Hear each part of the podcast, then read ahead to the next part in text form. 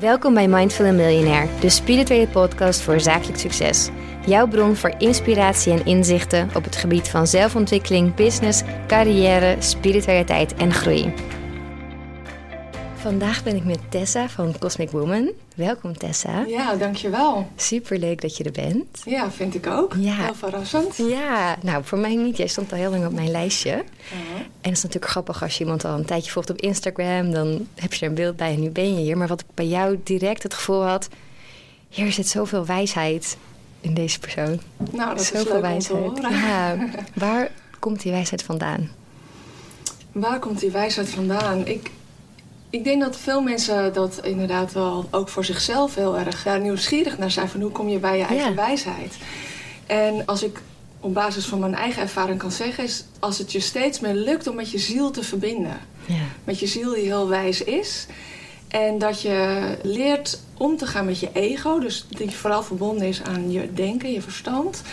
En dat je daarvan de rol en werkwijze leert kennen, zodat je het ego meer stil kan maken. Zodat je toegang krijgt tot die wijsheid, om het Ja. zo maar te zeggen. ja want je ego klets maar door. Ja, en die heeft natuurlijk ook.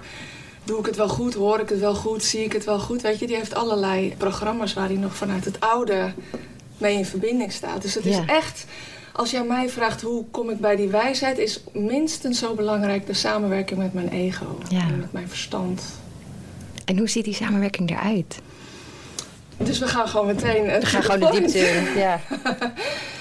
Het is heel belangrijk om de rol en werkwijze van het ego te leren kennen. En wat ik daarmee bedoel, is dat je. ehm, misschien is het wel eerst leuk om een intro te geven van de tijd waar we nu naartoe Ja. bewegen. En waarom wijsheid zeg maar zo appealing is voor velen van ons. En waarom Ja. we willen onthaasten. En waarom we weer naar die, meer naar die zingeving willen. En dat heeft ermee te maken dat we kosmisch gezien gewoon op een nieuwe lus op de spiraal zitten. En een nieuwe kosmische cyclus is Die je zou kunnen definiëren als de nieuwe balansenergie. Waarbij de mannelijke energie zeg maar gelijkwaardige positie inneemt naast de vrouwelijke energie. En dat gebeurt allemaal tegelijkertijd in ons bewustzijn. Dus alles gebeurt in ons. Dus je ziet het in de wereld, maar je ziet het ook in ons gebeuren. En op het moment dat die vrouwelijke energie eigenlijk gelijkwaardig naast die mannelijke energie gaat staan, dan verandert alles. Maar het voelt in het begin ook als een onmogelijke liefde. Ja. Want je denken verbonden aan je verstand en de mannelijke energie. En je voelen verbonden aan je gevoel en je ziel. En de ontvankelijke energie. Die voelen zich wel als een magneet tot elkaar aangetrokken. Hè? Van hoe kom ik bij wijsheid? Ik verlang naar zingeving.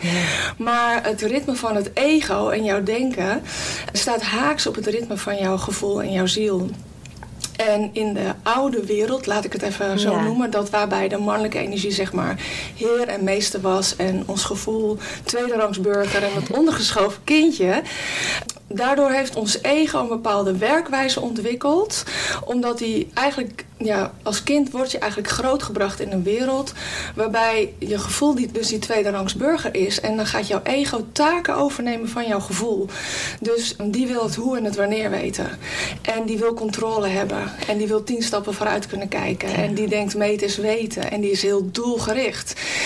Maar het ego is eigenlijk vanuit het leven zelf ontworpen om te weten wat er nu gebeurt en wat er is gebeurd. Dus het ego handelt heel veel op basis van verleden, herinneringen. En als het verleden en die herinneringen gekoppeld zijn aan denken in afscheiding, bijvoorbeeld is ook heel erg passend bij de oude wereld, Ja. dan gaat hij denken in tekort en in wij tegen zij, in dualiteit. Dus een van de moeilijkste dingen voor het ego is om te gaan begrijpen wat zijn nieuwe rol is. En dat hij daar voordeel uit haalt. Ja. Want het ego denkt eigenlijk altijd, en dat kun je me ook niet kwalijk nemen, wat levert het mij op? Dus dat zie je ook heel veel in de wereld om je heen gebeuren. Dat waarbij het ego eigenlijk een machtsgreep heeft gepleegd. Wat bij veel mensen zo is, omdat we zo zijn opgegroeid. Dan gaat het ego een machtsgreep plegen om jou te beschermen. Om jouw overleving te garanderen. Dus dan richt hij zich heel erg op de materiële werkelijkheid. En wij hebben zeg maar een soort van geconditioneerd gekregen dat het leven maakbaar is. En dat jij bepaalt Ja. wat je krijgt. En als je iets wil, ga je het halen. Ja, en ook dat staat weer haaks op de ziel. Die eigenlijk in harmonie met met het leven zelf is en deel uitmaakt van de natuur. Want wij mensen zijn eigenlijk ja, zijn natuurwezens. Alleen dat, dat zijn we toch wel vergeten. Dus die wijsheid is ook in ons ondergesneeuwd geraakt. En daardoor zie je mensen heel snel in het drama van hun ego ja, omdat ze zich zo identificeren met dat ego. Ja, ze in het verhaal blijven ja, hangen. in het verhaal, in de rollen, in de verhalen die je op school hebt gehoord... en die je in het nieuws hoort en in de media. En die verhalen hebben als een soort waarheid geaccepteerd. En op het moment dat je behoefte krijgt aan zingeving... en wil onthaasten en dichter bij jezelf wil komen... dan ga je die waarheid die je altijd met de paplepel is ingegoten... dat je denkt van, ja, maar is dat wel waar? En dan heeft het eigenlijk zijn houdbaarheidsdatum voor een groot deel overschreden. Maar wat is dan wel de waarheid. Hè? Dat zie je nu ook in de wereld gebeuren. Want mensen ontwaken in het besef dat niets is wat het lijkt. Ja. En er is chaos. En mensen gaan zich verdiepen in het nieuws achter het nieuws bijvoorbeeld. Of in allerlei informatie. En dan ontdek je eigenlijk dat waar je al je vertrouwen in had gelegd van jongs af aan... dat dat eigenlijk tegen je begint te werken. Dus dan is er vooral chaos ook in jezelf. Want je zit ook nog niet in, in balans met je ziel en bij je wijsheid ja. en je intuïtie en je innerlijke stem. Maar je zit wel in het besef van niet is wat het lijkt. En dan zie je eigenlijk dat het ego dus geneigd is zich als een pitbull vast te bijten in dat wat je complotten zou kunnen noemen. Omdat hij informatie nodig heeft en wil weten van ja, in wat voor wereld leef ik. En dat hoort eigenlijk een beetje bij dat proces van ontwaken. Laten we zeggen dat dat proces van ontwaken waar we nu en masse in zitten, is ontwaken in het besef dat alles energie is. Ja. En dat je niet zo beperkt bent dan je dacht. En dus dat proces van je verdiepen in dat ja, de negatieve kant van wat er gebeurt, is onderdeel van het proces. Want je ego weet helemaal niet hoe die bij dat andere kan komen. Maar als het goed is, gaat op een gegeven moment die ziel heel erg, ja, de calling noem ik dat. De calling naar je ware natuur. Ja. Dus parallel aan dat je ontdekt dat niets is wat het lijkt en dat alles een beetje op zijn kop gaat staan, ook in je eigen leven, verlang je ernaar van hoe werkt dat dan, leven in het ritme van de natuur? En hoe kom ik bij balans? En hoe kom ik bij die wijsheid waar ik zo naar verlang? Ja. Dus het is heel belangrijk dat je parallel aan dat ontwaken, dat niets is wat het lijkt, dat je jezelf ook gaat inspireren en informeren met dat andere wat aan het ontstaan is. Dus die nieuwe wereld en die nieuwe balansenergie als onderdeel van een kosmische cyclus. Ja. En dat je ook begrijpt van hé, hey, maar die chaos die er nu is, dat komt omdat die vrouwelijke energie haar intrede doet. En vrouwelijke energie, het klinkt eigenlijk heel zacht en lief, maar ze is ook meedogenloos in de zin van als zij haar intrede doet, laat ze alles zien wat niet in het reine is met het ja. leven zelf. En dat zijn zeg maar die beerputten in deze tijd die opengaan. Ja. Ja. ja. En als je dat ziet als onderdeel van een proces, dus dat het leven al werkt en dat eigenlijk vanzelf al in balans komt, dan durf je je ook meer over te geven aan jouw persoonlijke proces. Dat het heel belangrijk is dat jij ontdekt hoe kom ik dicht bij mezelf. Ja. Dat vergeten we soms gewoon helemaal ja. om dat te doen. Omdat... Is ons ook niet geleerd. Nee, nee, was dat maar een vak op school. Oh, dat zou zo lekker zijn. Echt, ja, dus in die zin hebben we echt zelf de verantwoordelijkheid onszelf te informeren. En een soort studie van, naar het leven zelf. Ja. Van wie ben ik en hoe werkt het leven en hoe werkt de natuur. Ja. En waar maak ik deel van uit. En hoe past mijn leven in het grote geheel zodat jij kunt ontdekken van hé, hey, wat is mijn passie en wat is mijn rol, wat heb ik hier te doen. En dan kan het leven dus super mooi worden en magisch. Ja, ik heb wel het gevoel, dat ik zei het voor grap, hadden we op school, dat het nu is toch wel echt, ja, of dus de bubbel waarin we zitten, maar populairder wordt met alle moeders die nu hun kind toch meer zo bewust opvoeden hoe dat de volgende generatie gaat zijn. Ja, veel dingen zullen voor de volgende generatie al meer vanzelfsprekend zijn. Ja. Waarvan wij nog iets heel ingewikkelds doen, dat hun denken van, ja, maar dat is, logisch. toch logisch, weet je wel. Ik zie dat al bij mijn eigen dochter, Ja. weet je wel. Die lacht dan af en toe een beetje om waar ik mee bezig ben. En ik zie dat zij van nature eigenlijk al heel dicht bij zichzelf is. Ja. Natuurlijk ook door hoe wij zijn en hoe wij in het leven staan. Maar in de basis hebben zij die wijsheid natuurlijk ook in zichzelf. Ja, ik denk als kind heb je dat al veel, maar je raakt gewoon steeds meer Je verwijderd. raakt onderweg daarvan verwijderd, dat Ja. klopt. En nu is het eigenlijk aan ons de uitnodiging om dat stuk van onszelf weer terug te vinden, wat we een beetje zijn kwijtgeraakt. En je ziet ook dat in deze tijd hebben we eigenlijk geen andere keus.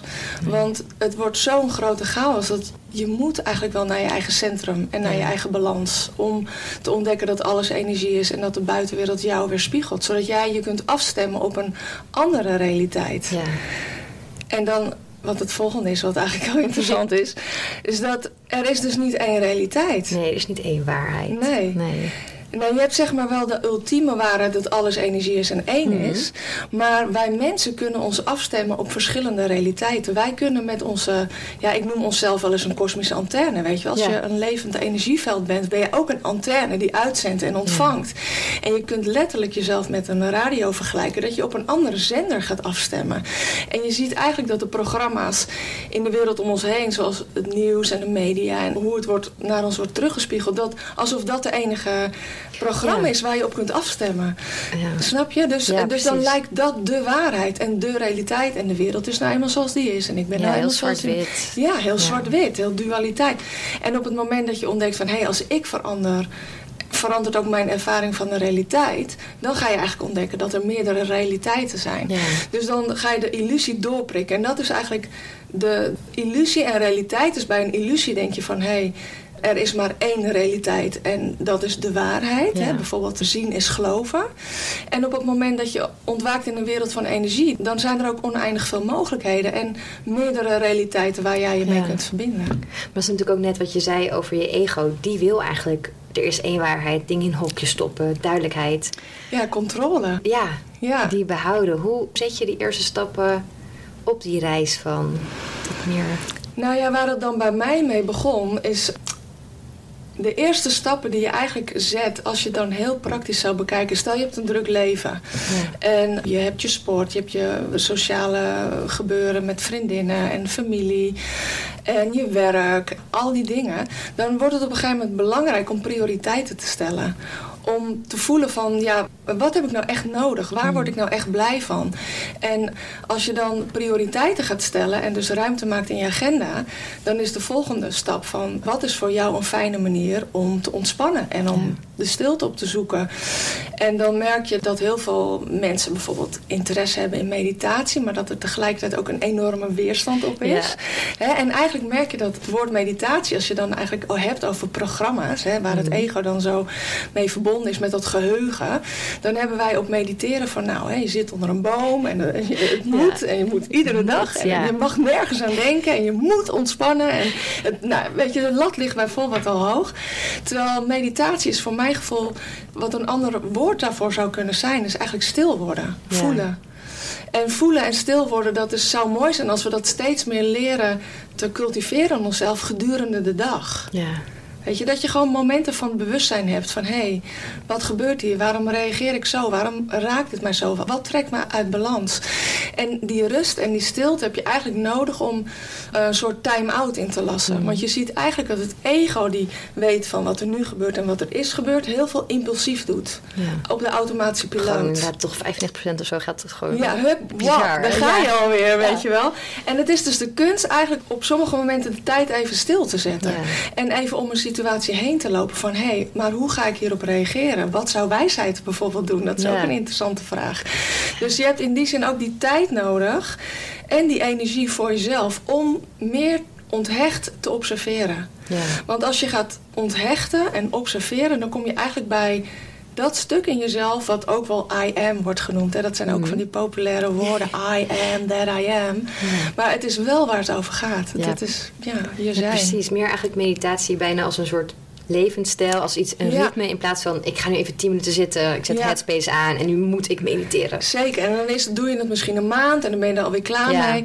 Terwijl een cosmic woman zijn, om het zo maar te zeggen, is echt een levenswijze.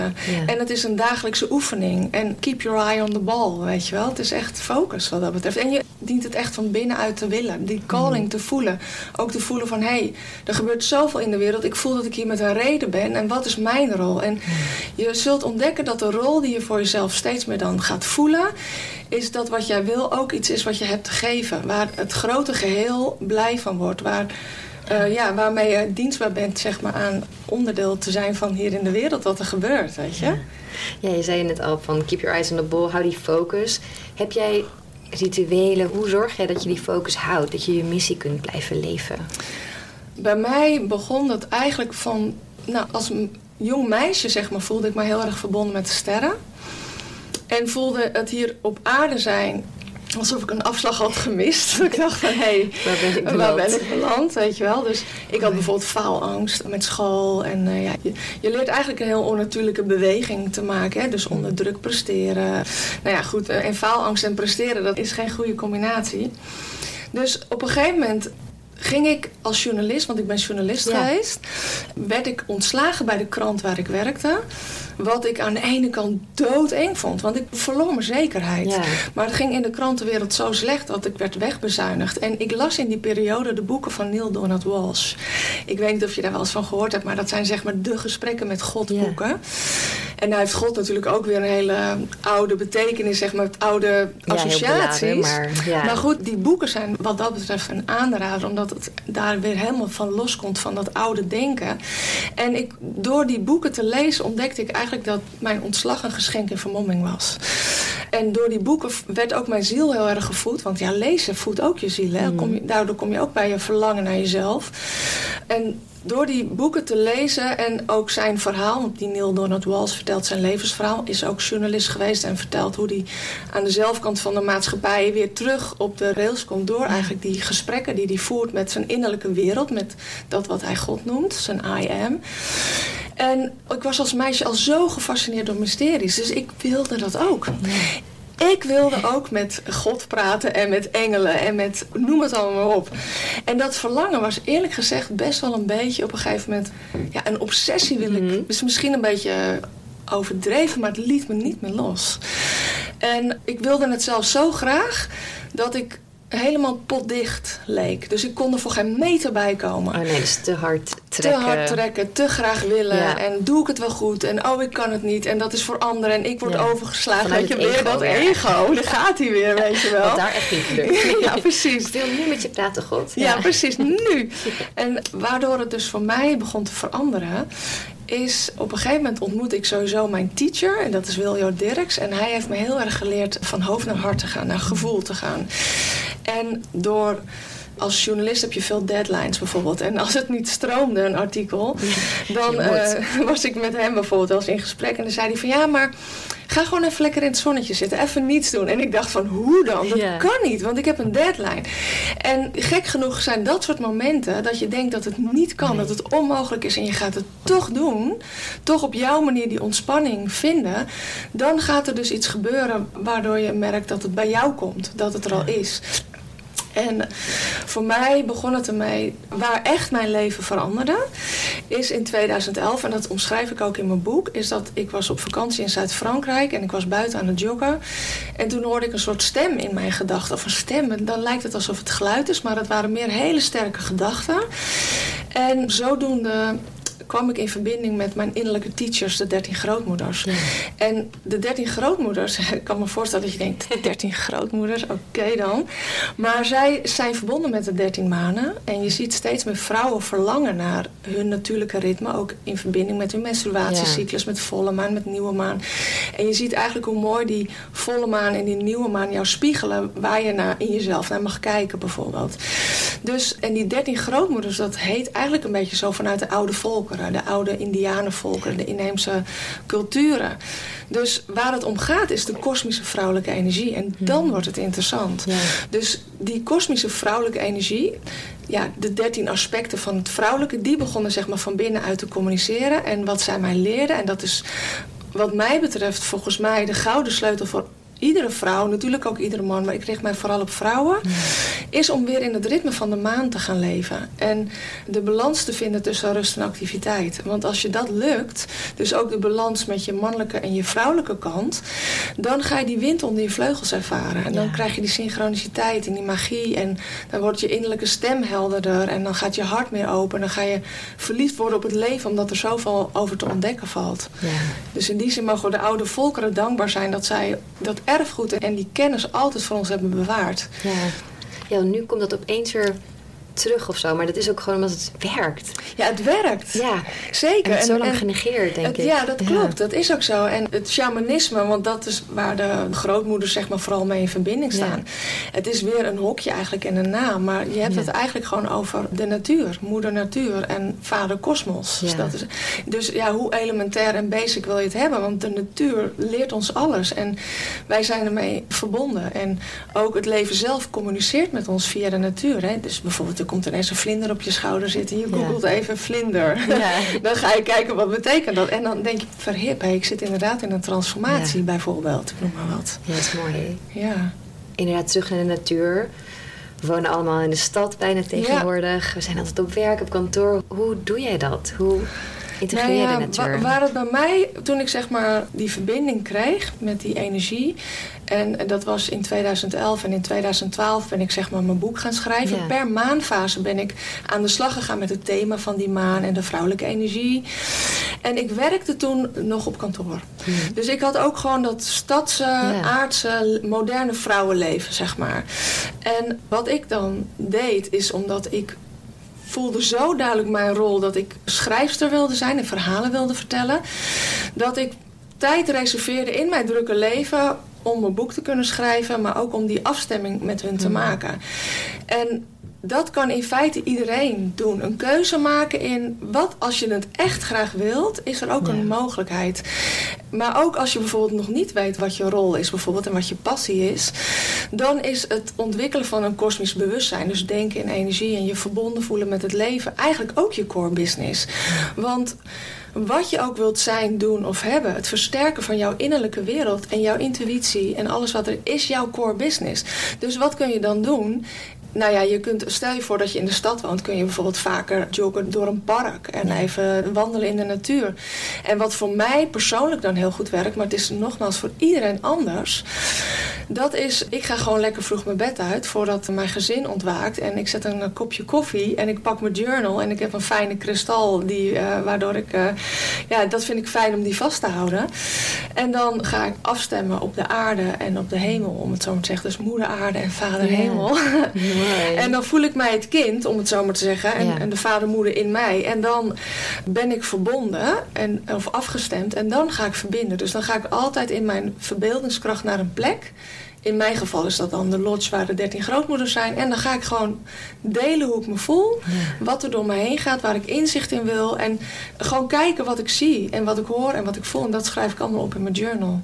En zodoende is eigenlijk ook mijn boek ontstaan. Dus dat is hoe het voor mij bijvoorbeeld werkt. Echt helemaal vanuit jouw innerlijke. Maar inderdaad, daar moet je wel de tijd voor maken. Ja. Want het gaat niet vanzelf. Nee, nee magie ervaren gaat niet vanzelf. Het gaat wel vanzelf als je steeds meer in de overgave komt en in de rust komt, in balans komt. Maar voordat je die magie en die synchroniciteit ervaart. Dat is denk ik wel het grote werk wat we te doen hebben. Hè. Dus dan, je merkt eigenlijk dat in deze tijd, dat mensen die ontwaken, die horen de calling naar hun ware natuur. Mm. Die willen meer met hun intuïtie gaan doen kom je eigenlijk er niet om jezelf heen om met jezelf in het reinen te komen. En stel je voor dat je een heftig verleden hebt gehad, of een trauma, of op wat voor manier dan ook in een crisis of in een moeilijke pakket zit, dan werken de maanfase bijvoorbeeld weer heel fijn om heel bewust dan te zeggen: Oké, ik sta ervoor open om mezelf te veranderen. En ook dat vinden heel veel mensen al heel moeilijk. Hè? Uit je comfortzone veranderen. Want veranderen is niet altijd makkelijk. En vraagt ook om keuzes. En dat vinden we soms heel moeilijk. Maar als je dan zeg maar wel bereid bent. Omdat je uiteindelijk voelt van ja, ik heb eigenlijk geen andere keuze dan dat te doen. Want ik wil gewoon gelukkig zijn. En echt mezelf mogen zijn. Dan ga je gewoon kijken van oké, wat in mijn proces komt aan het licht. En dan ga je de tools voor jezelf vinden. En ook zoeken middels inspiratie om je heen. Bijvoorbeeld mijn boek of jouw site. Of nou, ik noem het maar. Er zijn zoveel mensen met tools die je op weg kunnen helpen. Dan ga je met jezelf aan de slag. En dat, is, dat noem ik zeg maar het grote werk. En op het moment dat het grote werk steeds meer is gedaan. Dus dat je zeg maar steeds meer met jezelf in het reinen komt. Dan wordt jouw energieveld steeds krachtiger. Dus dan ben je als een batterij steeds meer opgeladen. Dan gaat eigenlijk het grote spel beginnen. Dan voelt het leven steeds minder als een worsteling, maar als een wonder. Want eerst ga je in het begin rollenbollend met je ego over straat. Want die denkt van ik wil het zus en zo. En dit werkte altijd. Oh shit, het werkt ja. niet meer. He, want, het moet toch echt veranderen? Het moet toch echt veranderen. En ja, wat je bijvoorbeeld vaak te horen krijgt in de wereld van ontwaken, zeg maar, is overgave en controle Mhm. loslaten. Maar ik kan je vertellen dat als het ego niet weet waaraan hij zich gaat overgeven, dan gaat hij die controle niet loslaten. Dus het ego heeft zeg maar steeds informatie nodig. Waarom het in zijn voordeel is, dus hè, wat in het voor mij, wat levert het mij op, om die controle los te laten. Want nogmaals, het ego weet alleen wat er nu gebeurt, wat er is gebeurd. Dus je hebt eigenlijk een nieuw verleden, nieuw opbouwen van een nieuw verleden nodig. Om dus te vertrouwen op die toekomst tussen aanleidingstekens, want alles is nu. En daar heb je gewoon geduld en tijd voor nodig. Het is een way of life. Wij willen het vaak heel snel, zijn Ja. ongeduldig. En dan geef je maar op omdat het niet snel genoeg resultaat Precies. geeft. Ja, Maar ja en dan... dat kun je niet trekken en dan denken, nu is het er. Nu heb ik mijn ego losgelaten. Nee. Of, Het ego Ja. komt altijd via de artiesteningang weer naar binnen. En dan zit de vogel weer op zijn nest. En dan denk je, potverdorie, zit hij er toch wel? Ik het niet in de gaten, weet je wel? ja. Dus zo werkt dat. En het is echt, keep your friends close, but your ego closer is echt heel belangrijk. Die heb je net zo hard nodig om bij de wijsheid van je ziel te komen. ja, want inderdaad, je denkt soms van, oh, ga maar weg met het ego. Ja. Maar dat werkt ook niet. Gaat hem niet worden. Nee. Dat, dat, het is een soort, probeer maar eens een, een skippiebal onder water te Ja. houden. Weet je? Als je hem loslaat, komt hij weer net zo hard Ja. omhoog. Het is juist heel waardevol om te begrijpen wat de schoonheid is van het ego. Want het is niet een vergissing van het leven dat we een ego Nee, hebben. Het is een geschenk. Dus ik zeg wel eens in van... ons weefsel. Ja, nee, precies. Ik zeg wel eens van het ego gaat eigenlijk ook door een transformatieproces. Die is ook aan het veranderen van denken in materie, steeds meer denken in energie.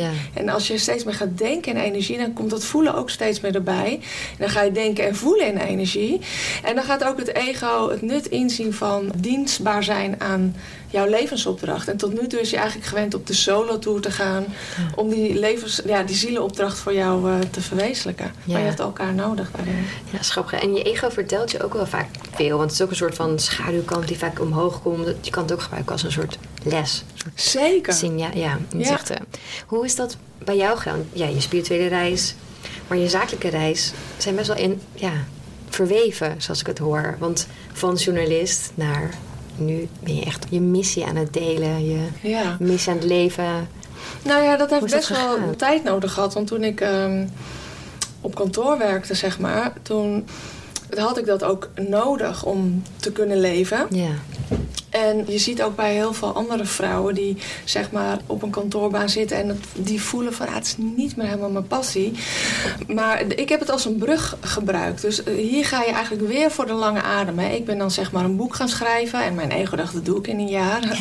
Not. Ik was er behoorlijk lang mee bezig. Dus mijn ego had af en toe wel zoiets van oh, ben ik hier nog steeds op dit kantoorgebouw? En ik wil zo graag weg. Dus, maar ja, werk gewoon dagelijks aan je droom. En blijf het voelen en koesteren. En creëer kleine momenten om eraan te werken. Want daarboven zeggen ze bijvoorbeeld van... in het kleine alledaagse komen grootste dingen tot stand. Want je bereikt ineens een kantelpunt. Misschien dat jij dat ook vanuit jou hebt ervaren. Van, vanuit het werk wat jij doet. Dat je, je bouwt aan iets. En op een gegeven moment... Ja, daar heb je gewoon geduld voor nodig. En op een gegeven moment bereik je een soort kantelpunt. Hè, net als een zaadje dat je plant. En dan komt het boven de grond. Dus op een gegeven moment... En dat was wel weer mooi. Want ik voelde bijvoorbeeld bij mijn kantoorbaan niet echt goed aan van... Ja, hoe lang blijf ik hier nog? En wanneer is het dan wel het goede moment? En kan ik dan wel vertrouwen op dat er voor mij wordt gezorgd, om het zo maar te zeggen? Ja. En op een gegeven moment toen zeiden ze bijvoorbeeld bij mij op kantoor van... Ja, ehm, wij hebben jou niet meer nodig. Oké. daar vindt je ego ook wel van. Mijn ego denkt, oké, dan is dit kennelijk het moment. Ja. En dan ziet hij nog wel beren op de weg. Maar het is echt de kunst om dus ieder stapje te laten oplichten. Daar waar het ego juist controle wil en tien stappen vooruit wil denken... zorgt de intuïtie eigenlijk heel goed voor jou. Want die zegt van, joh, ik zie het hoe en het wanneer. Maak je niet druk. Wees gewoon in het nu en het eerste stapje ligt op. En op het moment dat het ego daar zeg maar de handigheid in gaat krijgen... en ook gaat merken dat dat dus werkt... dan komen er mogelijkheden van kanten waar je nooit aan had gedacht.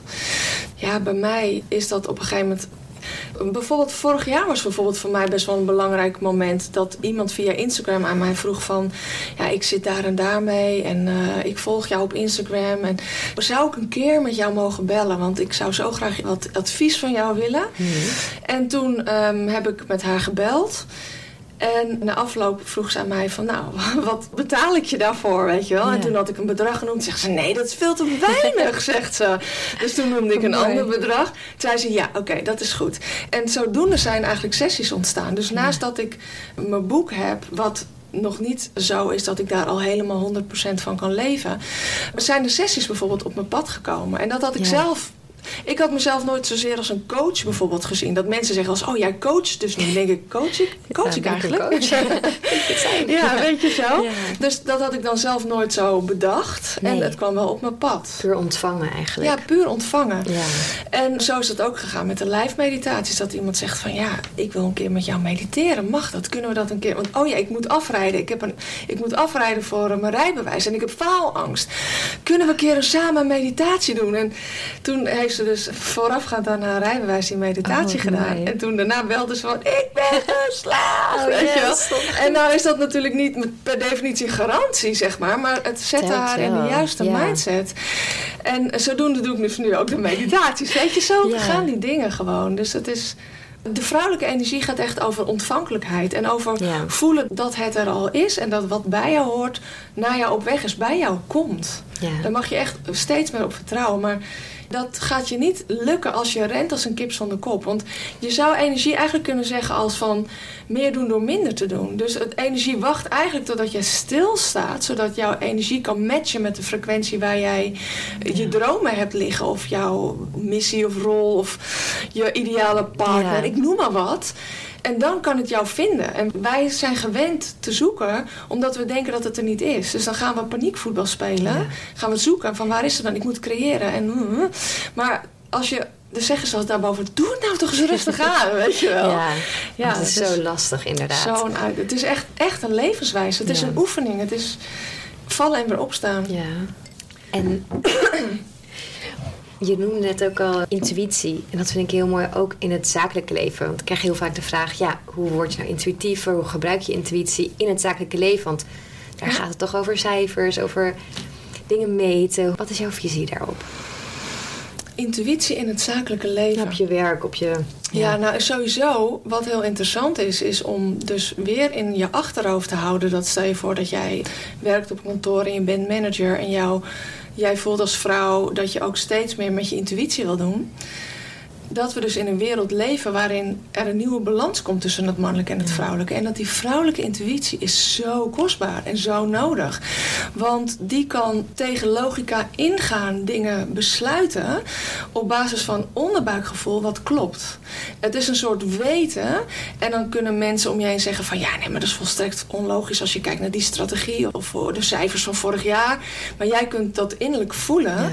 Dus ik denk ook zeker dat als vrouwen de ambitie hebben om in de zakelijke wereld aan de top te komen. Dat het de kunst is om niet zozeer een vrouw te zijn, een soort man in een rokje, om het maar oneerbiedig te zeggen, maar echt voor je vrouwelijkheid te gaan staan en voor de verbinding. Ik denk dat ook in het zakelijke leven de verbinding met de organisatie. Dat vrouwen zijn heel verbindende wezens. En zijn ook complexer dan mannen. Want mannen hebben meer een aan- en uitknop. Hmm. En wij vrouwen hebben door onze cyclus, omdat wij ook kinderen kunnen paren, hebben wij gewoon een complexere cyclus. Dus de vrouwelijke energie is complexer, maar het patroon, als je dat eenmaal gaat begrijpen, is het wel herkenbaar, voorspelbaar ook. En dat laat die maan eigenlijk weer zien. Dus er valt denk ik juist een hele mooie wereld te winnen als je als vrouw op die manier gaat kijken. En ook, nou ja, bijvoorbeeld ook interessant is als je bedenkt dat je, stel je voor je werkt bij een bedrijf en je ziet dat bedrijf als een entiteit. Mhm. Bijvoorbeeld met een bewustzijn. Met een, een groepsbewustzijn zou je het kunnen noemen. Hè? Dus al die mensen in dat bedrijf die ademen die visie en die missie. En als iedereen zeg maar, op de juiste plek staat en doet wat hij te doen heeft vanuit zijn talent en kwaliteiten, dan merk je eigenlijk ook dat het de strakke hiërarchieën zoals we die in de oude zakenwereld kennen, eigenlijk ook een houdbaarheidsdatum beginnen te verliezen. Want als je dan vanuit dat groepsbewustzijn gaat denken, dan zie je dat de mensen op het juiste moment de juiste dingen doen. En dan is het meer ruling bij non-ruling. Meer de dingen durven laten ontstaan en laten gebeuren. En in plaats van doelgericht denken met uh, als een stier op een rode lap Dat je procesgericht gaat denken en daarop vertrouwt dat het resultaat een natuurlijk gevolg is van het proces. Dus dan kun je ook dat veel meer laten ontstaan. En vaak gebeuren er dan juist veel mooiere dingen dan je had kunnen bedenken. En dat is juist weer de magie van het leven. Ja, want wij zijn vaak best beperkt in wat we voor onszelf kunnen bedenken. Ja. Terwijl als je het universum zijn werk laat doen. Ja, het is alleen. Mooiere dingen, maar... Ja, het is zo moeilijk om controle is, los te laten. Ja. Zo'n uitdaging. Want je weet het niet. Ja, je hebt geen garantie. Nee, je hebt geen garantie. en daarom is het wederom zo belangrijk om parallel aan je eigen bewustzijnsgroei en te ontdekken wat er in de wereld gebeurt, ook echt tijd en energie te besteden aan hoe werkt het leven en hoe werkt energie en hoe werkt de realiteit als er niet één realiteit bestaat. En wie ben ik als energieveld en hoe maak ik voor mezelf een effectieve antenne voor die realiteit waar ik deel van uit wens te maken. Want dan merk je ook dat daar waar jij deel van uit wens te maken, daar zijn ook andere mensen. Met dezelfde verlangens als dat jij hebt en dezelfde ideologie. En uh, ja, dan ontdek je ook dat je niet alleen bent. Want veel vrouwen voelen zich ook heel alleen in deze tijd. Hè? Ook alleen in hun familie en hun vriendenkring als ze bijvoorbeeld anders denken over wat er in de wereld gebeurt. Mm. En de keuzes die in, daarin van ons worden verwacht dat we maken. Dat als je een andere besluit neemt, ja, dan moet je wel dicht bij jezelf durven blijven. Ja. Wil dat vertrouwen ook hebben. Ja, zeker. Ja, hoe ontwikkel je intuïtie? Als luisteraars denken van, ja, ik wil ook intuïtiever worden, maar het is al die jaren weggedrukt. Nou ja, hoe ontwikkel je je intuïtie? Dat is een oefening in geduld. En ook aan jouw ego vertellen dat als jij bijvoorbeeld besluit meer de stilte op te zoeken, dat het ego dat in het begin leegte vindt waarin niks lijkt te gebeuren. En dan gaat hij zich vervelen. En dan denkt hij: ik zie niks, ik hoor niks, ik voel niks, er gebeurt niks. Uh, is dit nou zo uh, luisteren naar mijn intuïtie? Weet je wel, gaan al die stemmen weer. Maar als je gaat beseffen dat in een wereld van energie en oneindige mogelijkheden en je meer gaat identificeren met je ziel, dan wordt leegte een ruimte met mogelijkheden. En als je dan gaat luisteren naar de stilte, dan kom je eigenlijk bij die onderstroom waar je innerlijke zintuigen mee zijn verbonden.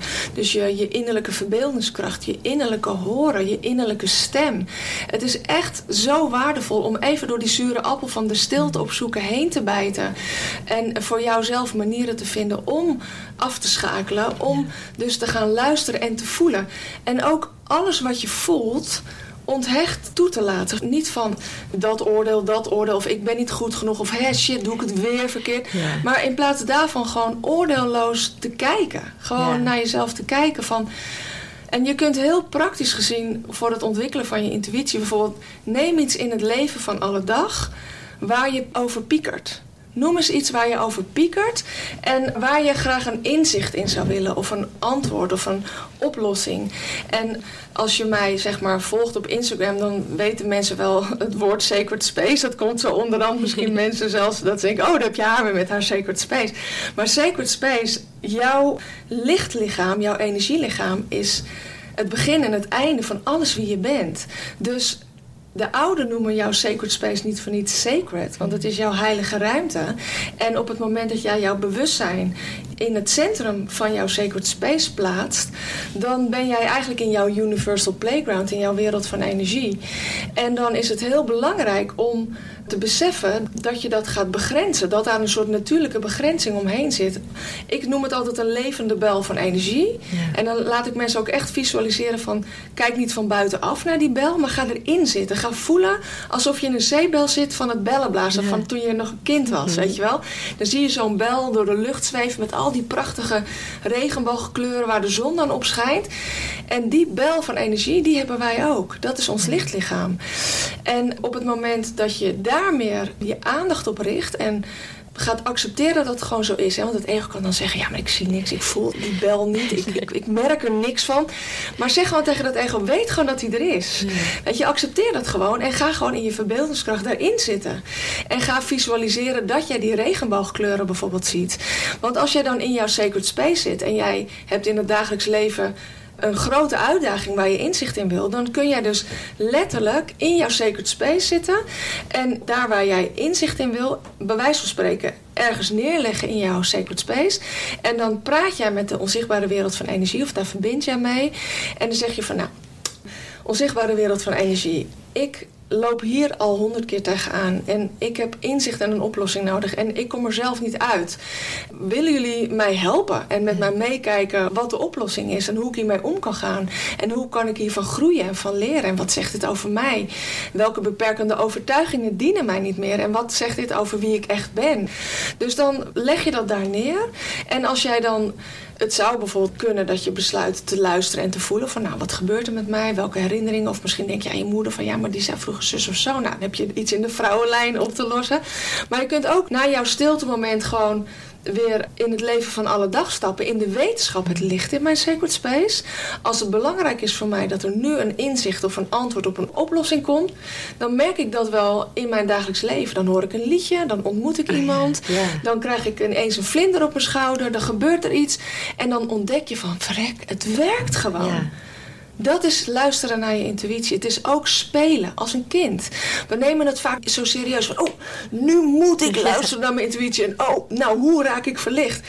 Maar ik zie eigenlijk bij bijvoorbeeld met verlicht zijn, dan begint het pas. Hmm. Want dan ga je licht geven en dan wordt het leven meer een spel in plaats van een probleem dat je moet oplossen. Want dan ga je die wisselwerking ervaren met die wereld van energie en met al die liefdevolle energieën die daar in en met en door jou heen werken. Want ieder mens heeft eigenlijk ook zijn begeleiding. Die jouw zielenplan kent. En die een soort van heeft voorafgaande aan jouw incarnatie heeft gezegd van nou oké, wij zijn jouw begeleiding. Wij gaan jou helpen bij het uitvoeren van jouw zielenplan. En nou, dan incarneer je in de stof. Je vergeet compleet wie je bent. Je weet ook even mm. helemaal niet meer wat je zielenplan ook weer was. En vaak is het zo dat in een crisis van het leven van alle dag, dan worden we eigenlijk gedwongen een burn-out of een relatie die kapot gaat of wat dan ook. Van ja, maar wie ben ik eigenlijk en wat wil ik eigenlijk? En dan zegt die cosmic team naast jou van, ah, die zit in zijn handen te wrijven. Ja, eindelijk. Ja, nu wordt het leuk, want nu staat ze open, nu wordt ze ontvankelijk, weet je, want dan kunnen wij met haar verbinden. En zij hebben eigenlijk een soort, je zou kunnen zeggen dat zij zo jou onvoorwaardelijk lief hebben. Dat zij zo voor jou door het vuur gaan om jou te begeleiden.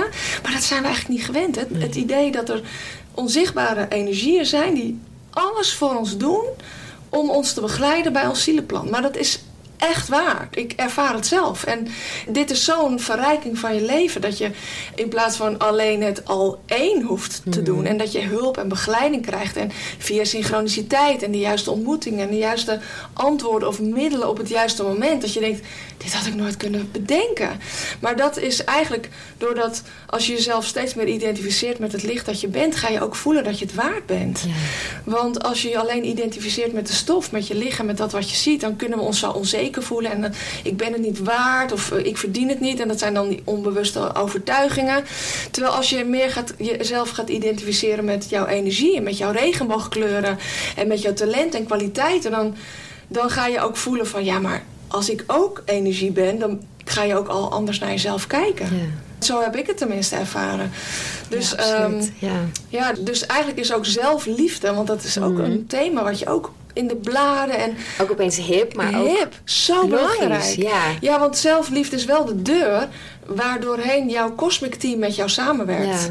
Want zij houden van jou. Dus als jij niet van jezelf houdt en dus de deur eigenlijk ook dichtgooit... en je alleen maar fixeert op dat wat je ziet... dan lijkt de werkelijkheid ook meer onveranderbaar. Hè? Dus als jij je vooral identificeert met je ego, met je denken.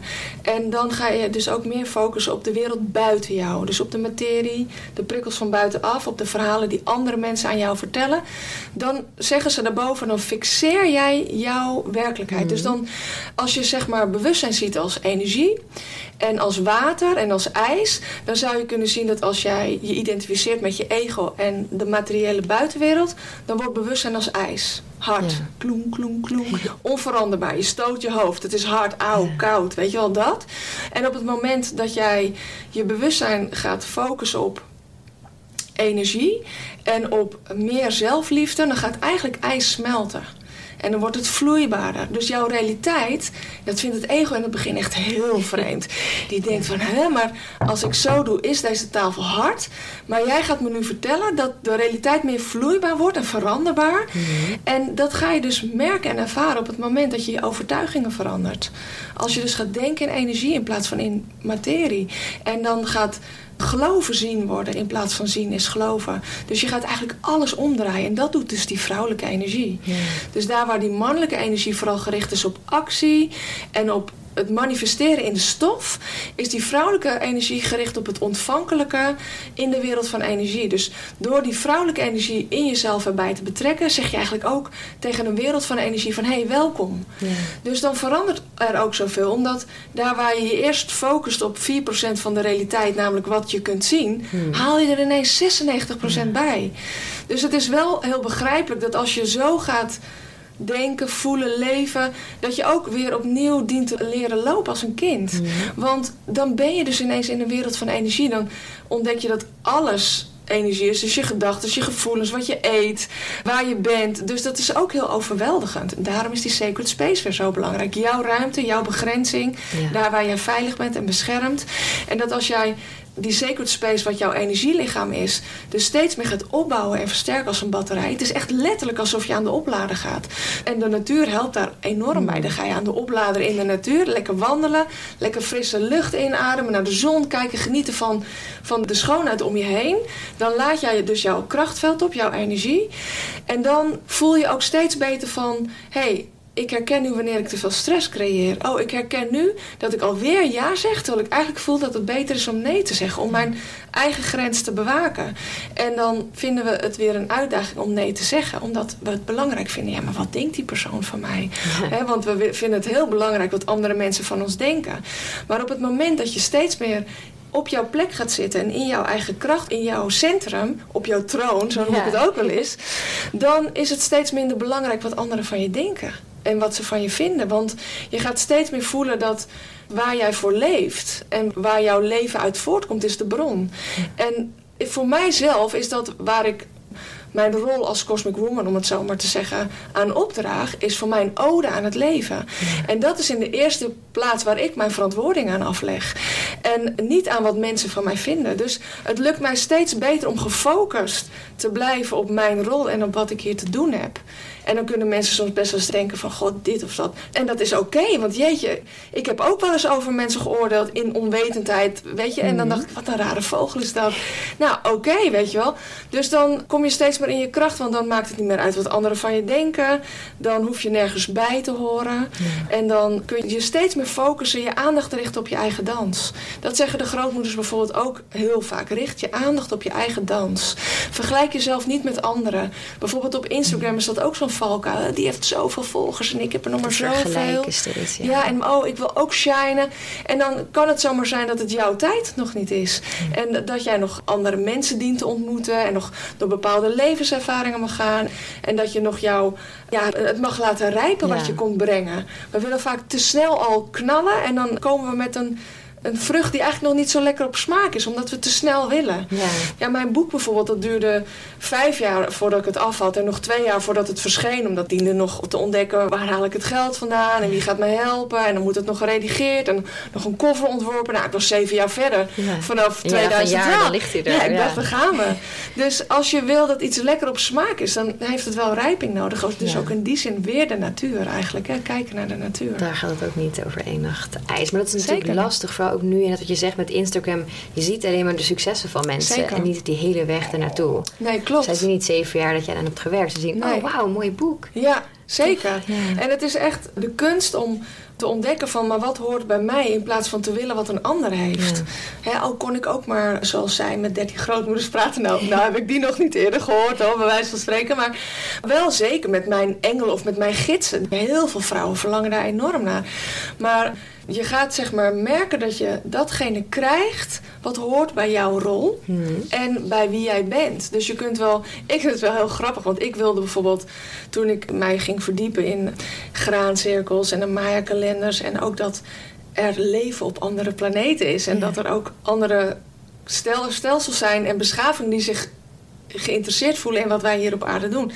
Ja, was het bijvoorbeeld mijn wens om ook een keer op een andere planeet te kijken. Of ook met iemand van de Pleiade te praten. En dan merk je eigenlijk van, dat is het het ego. Mhm, die eigenlijk een beetje sensatie wil. Of even uit het saaie leven wil stappen om even van, nou, gebeurt er is even iets leuks.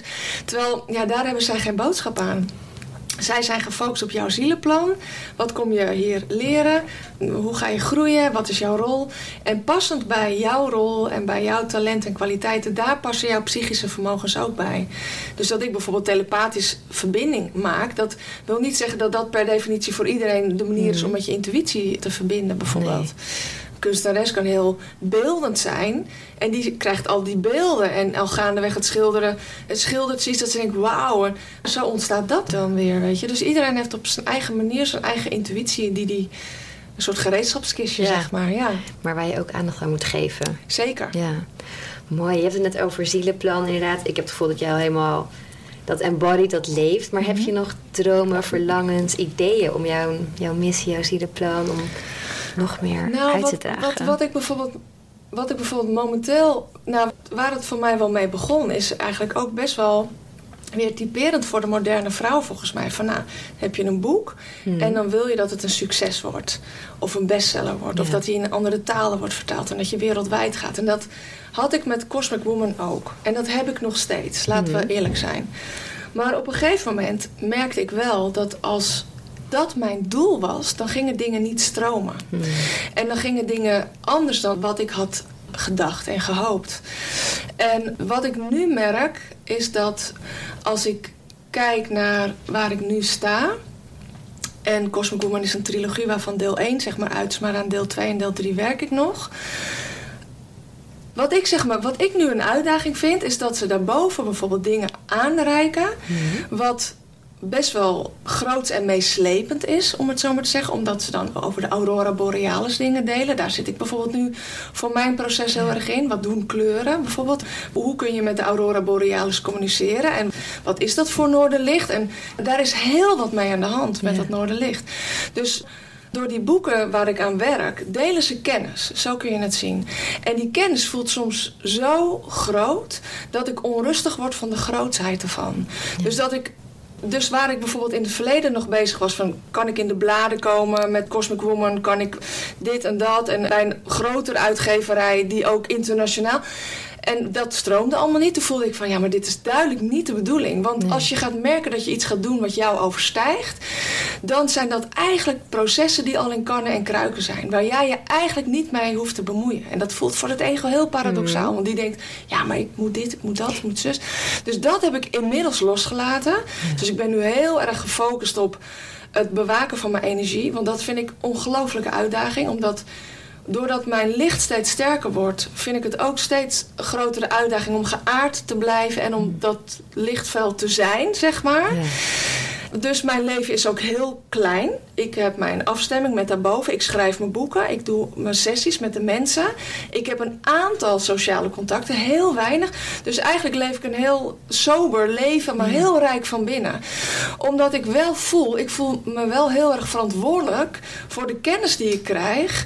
En om ook echt een handboek voor de mensen te maken. Zodat zij straks als zij door dezelfde dingen gaan als ik, dat ze dat kunnen vinden. En weet je, er zijn zoveel boeken, dus ik word één van de velen. Want iedereen vindt precies wat bij zijn pad hoort. Maar ik voel me wel verantwoordelijk om dus dat te delen. Dus en dat is zeg maar af en toe best wel een uitdaging. Want kijk, het lukt me steeds beter bijvoorbeeld om. Kijk, het schrijven bijvoorbeeld van die boeken dat gaat ook weer compleet anders dan wat je vanuit het oude gewend bent. Je denkt van ik heb een hoofdstukindeling, ik doe het zus en zo. En, een en plan dit is, en daar hou ik Ja, een plan. 20 bladzijden. Ja, precies. Zo, ja, en ik ga dan en dan schrijven. Nee, maar ze tikken wel eens om vier uur s'nachts op mijn schouders van we gaan schrijven, weet je wel. Maar dan weet je wel, als ik om vier uur s'nachts aan het schrijven ben, dan heb ik de rest van de dag niet heel veel over. Dus, dus het is ook steeds de balans vinden van dus nu heb ik zoiets van: oké, jullie vertellen mij dat het wereldwijd gaat worden, dat het in diverse. Oké, het zal wel. Ik ga me gewoon focussen op de uitvoer. Ja, op het schrijven. Op het schrijven en op het ontvangen. En hoe het in de stof tot stand komt. Nou, jongens, ik zie het wel hoe dat gaat gebeuren. En ik heb ook bijvoorbeeld, ik had vroeger bijvoorbeeld ook wel.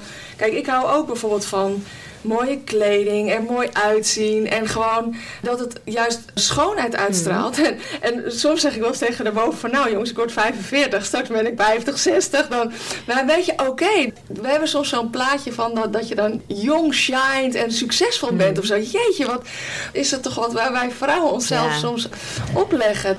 Terwijl dit gaat over rijping en groei en wijsheid ja, dat is ook gewoon, uh, ja, awareness makes us modest, weet je wel. Gewoon je leven leven, je wijden aan dat wat voor jou belangrijk is. In mijn geval ook mijn gezin, dus mijn basis.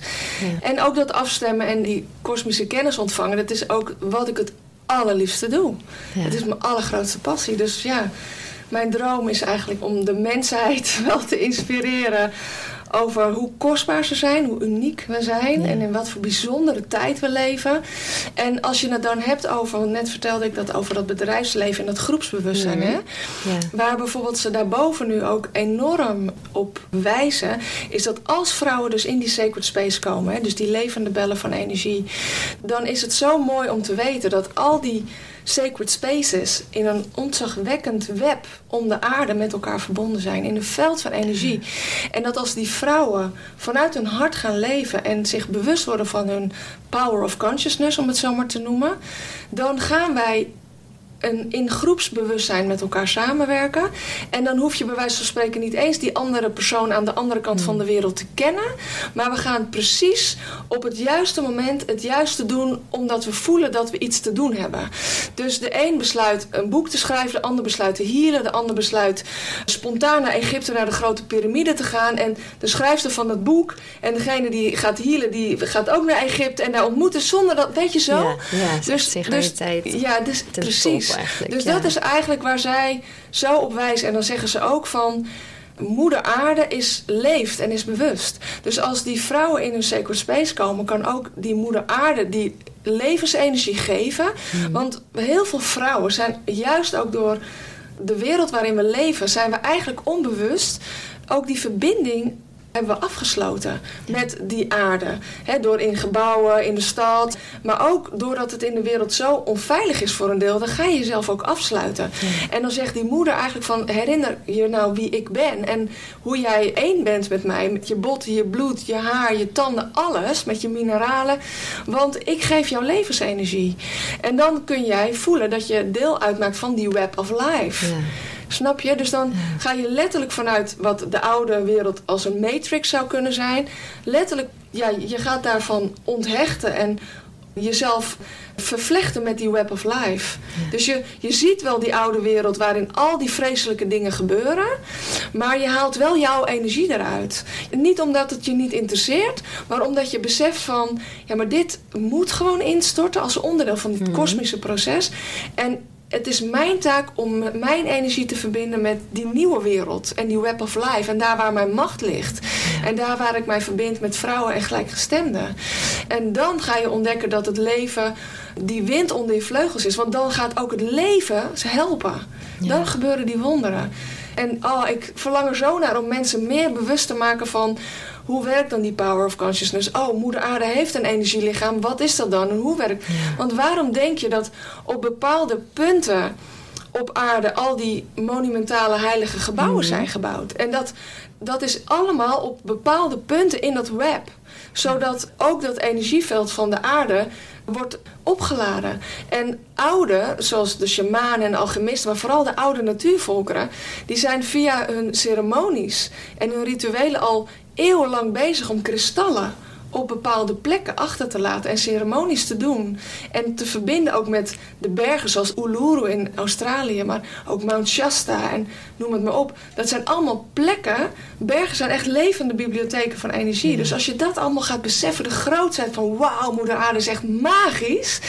Dan ga je ook makkelijker vertrouwen hebben dat wat hier op aarde gebeurt dat gaat echt zijn weg vinden. Maar we hebben ook jouw energie nodig mm. om je te focussen op wat je wilt. En niet waar jij je machteloos voelt en waar je energie op weglekt. En op de drama's van het leven te focussen. Maar juist van onthecht ook naar de drama's in je eigen leven te kijken. Want het ego is zo geneigd om mee te gaan in zijn eigen drama.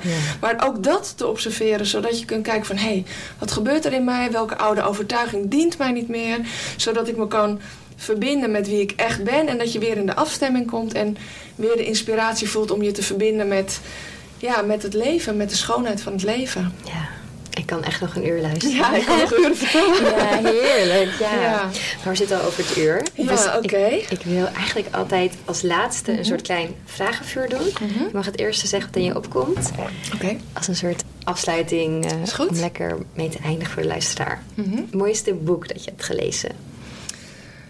Ja, Zero Limits van Joe Vitale is wel echt eentje die voor mij heel belangrijk was. Ja? Nog meer natuurlijk, maar Mhm. die was zeker. Mooi. Ja, Slechtste advies dat je ooit hebt gekregen? luister naar je angst. Oh, ze wil als advies Nou gegeven? ja, een, een angst als raadgever. Zie Ja. angst als een vriend Mm. die een boodschap heeft. Dus angst als boodschapper in plaats van raadgever.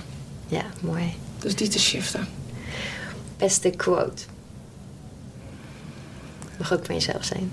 Ehm, het eerste wat ik nu bijvoorbeeld hoor is... Be the energy you want to attract. Ja, heel mooi. Ja, Ja, voelde heel erg. ja die is wel heel duidelijk ook, denk ik. Hè? Ja. Dat is ook logisch, want dan ga je meer in de frequentie van de oplossing Precies. zitten... in plaats van het probleem. Dan snap je ook waarom dat nuttig is. Want Ja. het ego heeft altijd nodig van... What's in it for me? Wat Ja. levert het mij op? En die is wel geneigd om eerder zich te verbinden met angst... In plaats van de frequentie van de oplossing. En dan ga je niet zo in die slachtofferrol van, oh, waarom, Ja. maar van, dit wil ik zijn. Ja, dus ook ongeacht wat je in het leven overkomt. Want sommige vrouwen, ook in de sessies, merk ik, denk ik, jeetje, lieverd, wat heb je veel Ja.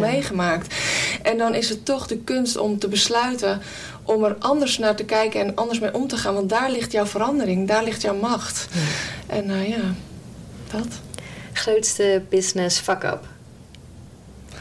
Stel jezelf voortdurend doelen en dan richt je op resultaten en strategieën. Ja. Meten is weten. Not. Mooiste inzicht dat je voor jezelf hebt gekregen? Ja, het klinkt haast een beetje zoetsappig, maar toch wel dat ik licht ben. Ja. Dat ik licht ben. En een druppel in de zee van energie. En dus ook dat de zee in mij zit. En dat ik dus heel machtig ben.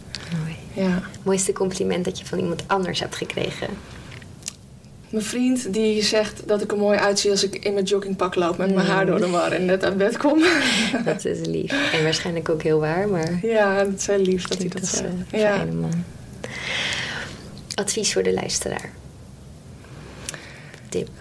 Als je bij jouw wijsheid wil komen, ga alsjeblieft gas terugnemen. Ga het rustig aandoen. Ga jouw manier vinden om de stilte op te zoeken. Bijt even door die zure appel heen van het ego die vindt dat het saai is of dat er niks lijkt te gebeuren. En informeer jezelf met wat je ziel voedt en niet wat je ego bang maakt. Waar ben je vandaag dankbaar voor? Voor de zon die schijnt, voordat ik hier met jou zit, dat ik verhalen mag vertellen, want dat is wel wat ik het liefste doe. Dus dankzij jou kan ik nu doen wat ik het liefste doe en daar ben ik heel dankbaar voor. Dankjewel. Ik ben heel blij dat je er bent. Ja, goed zo. Dank. Wil je met ons nog iets delen als afsluiting? Iets delen als afsluiting. Weet dat je niet alleen bent, maar al één. Heel mooi. Ja, Perfect einde. ja. Dankjewel. graag gedaan. Je luisterde naar Mindful Millionaire, de podcast. Ik hoop dat deze episode je nieuwe inzichten, inspiratie en ideeën heeft gegeven. Mocht dat zo zijn, dan ben ik je super dankbaar als je deze podcast deelt, volgt, reviewt of me een shout-out geeft op Instagram via Steffi Roos Dimene. Dankjewel en tot snel.